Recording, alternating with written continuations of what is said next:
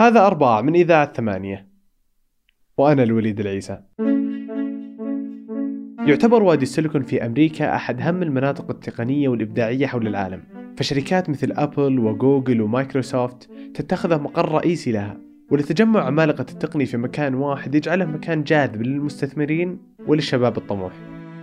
تعود قصة إنشاء هذا الوادي التقني لفترة الحرب العالمية الثانية والمنافسة في الاختراعات بين الحلفاء ودول المحور. دكتور رأفت زيني مهتم بموضوع وادي السيليكون وتاريخه وكتب عن نشأته الرادار الألماني والمارد الأمريكي. فعن قصة نشوء هذا الوادي وعلاقة الحرب فيه وعن أحد أهم أعمدته الأستاذ فريد تيرمان. طبعا فريد تيرمان اللي هو في غرب يمثل غرب أمريكا مرتبط بشرق أمريكا جامعة MIT فريد بعد ما خلص البكالوريوس في ستانفورد راح الدكتوراه درسها في MIT مع واحد آه، بروفيسور مشهور اسمه فانيفر بوش اللي هو كان مؤسس الهيئة الوطنية للعلوم ال National Science Foundation وكانت له جهود كبيرة في موضوع حتى تصدير نظم أساليب التعليم العالي خارج أمريكا من بعد الحرب العالمية الثانية. فهو هو تخرج طبعا قبل الحرب العالمية الثانية اللي هو فريد تيرمان لكنه كان معه هذا أستاذه لما جاءت الحرب العالمية الثانية ووجهوا الحلفاء بالرادارات الألمانية. طبعا شيء ما كانوا يعرفوه الحلفاء. البريطانيين هم اللي شافوا إيش الصحون هذه اللي تستقبلنا لما نشوفها في المناطق الألمانية وتدمس الطائرات. طائراتنا بعدها تتعرض للقصف وبعدين راحوا البريطانيين تسللوا وحاولوا يسرقوا رادار. وكذا اكتشفوا الجهاز ده. إي. شكل مركز آه، بحث في جامعة هارفارد اللي هو ابحاث الراديو. وطلب فتر من من ستانفورد إنه يجي شرق أمريكا عشان يدير المعهد هذا عفوا مركز الأبحاث خلال فترة الحرب العالمية الثانية. مركز الأبحاث هذا هدفه دراسة هذا القرص اللي عند الألمان؟ كل أبحاث الراديو اللي هي الاتصالات اللاسلكية و... وما يتعلق آه، بها. طبعا هو الأساس إنه عشان يحلوا القضية هذه ويطوروا الأجهزة اللي تقدر تعمل رادار بحيث إنه تموه على الرادار بحيث إنه الطائرات تقدر تعدي. للفترة هذه اشتغل هناك شاف كيف إنه البحث العلمي وارتباطه بالطلب اللي هو طلب الحروب على مخرجاته الديناميكيه اللي حصل وهي عموما هذه كانت تغيير في حتى في طرق البحث في أمريكا ومجالاته اللي هي ارتباط الجامعات انها تقدم أبحاث للقطاعات العسكرية بدل ما القطاعات العسكرية تبحث ذاتيا في بعض المواضيع وتجمعت الجامعات مع بعض في مراكز أبحاث بدل التنافس صاروا يشتغلوا مع بعض مم. للأهداف السريعة دي. بعد انتهاء الحرب العالمية رجع مرة ثانية لستانفورد لما رجع كان شايف برضو اللي كان بيصير ما بعد الحرب العالمية الثانية وش بيصير في شرق أمريكا. هذا هذا تحليل إنه إنه يكون شاف إيش فانيفر بوش كان بيسوي في الشرق وكيف الجامعات والحكومة في الولايات ورجال الأعمال والبنوك بدأوا يتحدوا عشان يسووا رؤوس أموال تدعم تحويل الأفكار اللي في الجامعات إلى م. شركات فلما رجع هو هناك شاف إنه قدرته إنه يستقطب أموال من الدعم الحكومي إنه ياسس هناك مركز أبحاث إلكترونية في ستانفورد وتشتغل في مجالات عديدة لكن اهمها المشاريع السرية الحكومية حرك الموضوع. فحوالي 850 باحث كانوا يعملوا في المركز هذا في ستانفورد. فاللي صار إنه هو في باحثين كانوا يشتغلوا في المركز وجد إنه من تطبيقات أبحاثهم ممكن تطلع منتجات أو صناعية تدعم المنظومة كاملة. فما فشجعهم يخرجوا من المعهد يخرجوا وين يروحون؟ يأسسوا شركات ربحية، شركات تجارية. فكل واحد عنده فكرة صغيرة ممكن تتحول إلى منتج قال لهم اطلعوا سووا شركتكم وصار هو عضو مجلس الإدارة.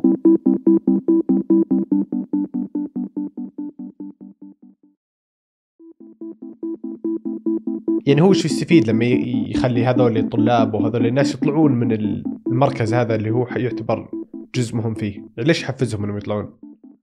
أعتقد والله أعلم. رأى إنه احتمالية استمرار الدعم بشكل مستمر هذا الشيء غير منظور وبالتالي خروج الطلبة تأسيسهم شركات. أول شيء راح يخفف الدعم راح يخفف المتطلبات المالية حقت المركز. آه الشيء الثاني إنهم هم حياسسوا شركات. الشركات هذه حتشتغل بشكل آه، أفضل بشكل كفاءته أعلى. ممكن يوفر الأشياء بأسعار أقل، الشيء الثاني إنهم راح يخلقوا وظائف راح ياخذوا راح ياخذوا خريجين من الجامعة يوظفوهم. ففي آه، بيئة راح تتشكل. يعني هذا الكلام من الخمسينات في الستينات لما أمريكا دخلت الحروب في فيتنام والناس كانوا ضدها وبالذات الطلبة. والمظاهرات الطلابية اللي اجتاحت الجامعات وانها توقف أي شيء يدعم الحرب. تحت الضغط آه، الحكومة أوقفت الدعم والمركز هذا توقف. واو هذه كانت نظرة فريد تقريبا من ال... من فترة. هذا اللي يعني اللي أشك إنه ممكن يكون لكن نتائجها كانت واضحة. إنه اللي سواه كان أفضل في هذه الحالة. وكذا بدا بدأت نشأة وادي السيليكون. الآن بعد ما يعني كذا تشكل هذا بعد ما تشكل هذا التجمع من من بعد الحرب العالمية كيف ك... يعني وش أهمية إنه يكون كذا في مكان واحد في في كبير الشركات؟ يعني الحين لو نشوف ال Silicon Valley Apple في ال Silicon Valley Google في ال Silicon Valley Microsoft في ال Silicon Valley يعني ليش هم أصلا الآن يحتاجون إنهم يكونون في مكان واحد حتى اليوم يعني؟ والله شوف القرب المنطقة كلها تتكلم نفس اللغة. المحامين يفهموا في قضايا الشركات الناشئة وفي قضايا شركات التقنية. المزودين للخدمات. حتى اللي أقول لك يمكن اللي المغسلة الملابس مكيفة نفسها لظروف الناس دول يتأخر يشتغلوا في الليل متأخر ما لهم وقت دوام معروف. حتى المطاعم الكافيهات كلها هذه تدعم البيئة هذه. فأنت تروح تقعد في كافيه وجالس تتكلم مع واحد يكون من الشركة الفلانية تسمع منه فكرة تناقش معاه موضوع. مجموعة من الخدمات قد لا تقتصر فقط على النواحي التقنية. زي ما قلت لك مطاعم حتى المحامين حتى آه، أساليب تسجيل الشركة. حتلاقي ناس يوفروا لك هي بسهولة. ما يبغاك تدور عليها. الشيء الثاني إنه من القوانين في الولاية وتحديدا أعتقد في المنطقة دي إنه أي شخص يقدر يترك الشركة ويروح شركة ثانية ما عليه أي قيود. أنا أعتقد إنه هذا ساعد إنه المواهب تلاقي المكان الأنسب لها وبالتالي تزدهر أكثر من إنه آه، نمنعك ما تخرج عشان لا تروح للمنافس. ففي كاليفورنيا وتحديدا في المنطقة ذيك ما تقدر تكتب في العقد شروط إنه الموظف يطلع عندك وما يروح إلا كذا كذا حتى قبل فترة أظن قبل خمس سنوات أو أربع سنوات طلعت كذا فضيحة إنه ابل وجوجل وفيسبوك وكذا عاملين اتفاقية داخلية بينهم إنه ما يوظفوا من بعض. على أساس لا تصير حرب المواهب. ولنا نعتقد إنه بالعكس هي كانت حرب المواهب هي سبب من أسباب الازدهار. لأنه ليش تضطر تجلس في مكان أنت لا تشعر إنه يلبي آه، يعني احتياجاتك وقدراتك إنها ممكن تزدهر أو ممكن تحقق نتائج.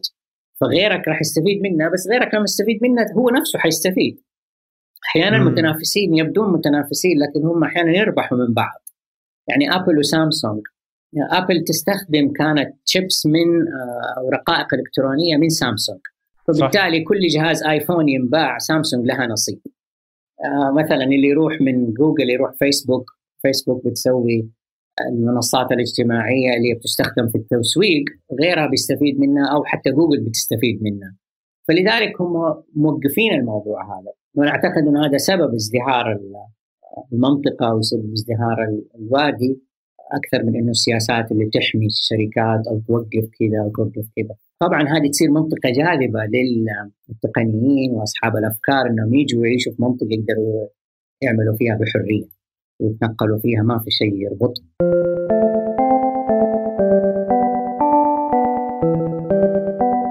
شكل هذا السيليكون فالي والنموذج هذا اللي سوتها أمريكا نلقاها الحين في كثير من الدول تبغى تسوي شيء قريب منه. فنلقى مثلا مثل عندنا هنا في السعودية مشروع نيوم هو بشكل أو بآخر قريب من فكرة السيليكون فالي مع اختلاف الأهداف يعني. انه كذا مكان جديد مدينة جديدة تجمع الكثير من رواد الأعمال والشركات والتجار ويكون لها أنظمة مختلفة شوي عن أنظمة الدولة عشان تدعم الهدف حقها. فالسيليكون فالي أعتقد انه يعتبر كذا نموذج جيد كثير ناس يقدرون كثير دول وكثير آه، ناس يقدرون ينظرون لك كنموذج ناجح في المجال اللي هو كان فيه. يعني فكرة إنشاء الأودية خلينا نقول تسبق نيوم يعني الجامعات كثير عملت أودية. وادي الظهران وادي مثلا الملك عبد العزيز من وادي جامعة المذكورة يمكن نادر الملك سعود. وكلمة وادي سموها أودية من كلمة وادي السيليكون. وأودية الجامعات كيف فكرتها؟ فكرتها أنه الجامعات تكون عندها مساحات قريبة منها تجتذب فيها الشركات عشان تيجي تشتغل. والعلاقة ما بين الجامعة وما بين الشركات الشركات الجامعات فيها باحثين. ومعامل الشركات عندها احتياجات وتيجي تسوي أبحاث في المنطقة اللي تشتغل فيها، طبعا الأودية مختلفة أفكارها، وادي الظهران غير وادي جامعة المذكوره مثلا، وادي مكة اللي مو مركز على الشركات أكثر وإنه يكون حضن لشركات ناشئة من الطلبة أو من من غيرهم. الأفكار دي موجودة.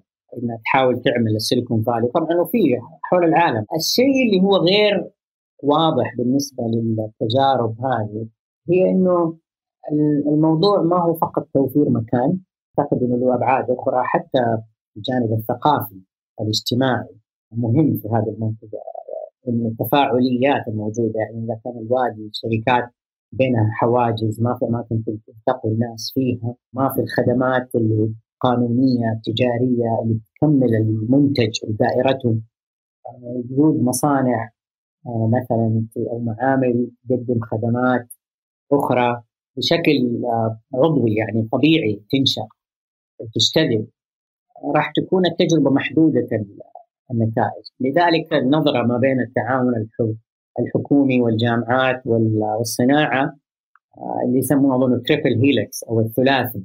أضيف إليه الرابع اللي هو ال culture أو الثقافة. إنه الناس برضو يحتاجوا جو اجتماعي ينشأوا فيه ما هو مكان عمل فقط يغادروه ويروحوا فلما نقول لك إنه Silicon Valley عبارة عن مجموعة مدن وبعضها كانت إلى مستوى قرى صغيرة والشبكة اللي نشأت بينها هي لم تكن يعني Stanford Research Park اللي يسموها أو حديقة ستانفورد إذا جات الترجمة صحيحة كذا للأبحاث اللي كانت قريبة من ستانفورد وتملكها تملك أراضيها كانت هي النواه على أساس الشركات دي تبدأ لكن على أساس إنها ما تبدا هناك دائما تنطلق إلى المدن وتشتغل فيها وبالتالي صار وادي السيليكون. الله يعطيك العافية دكتور رأفت. الله يعافيك. موعدنا الاربعاء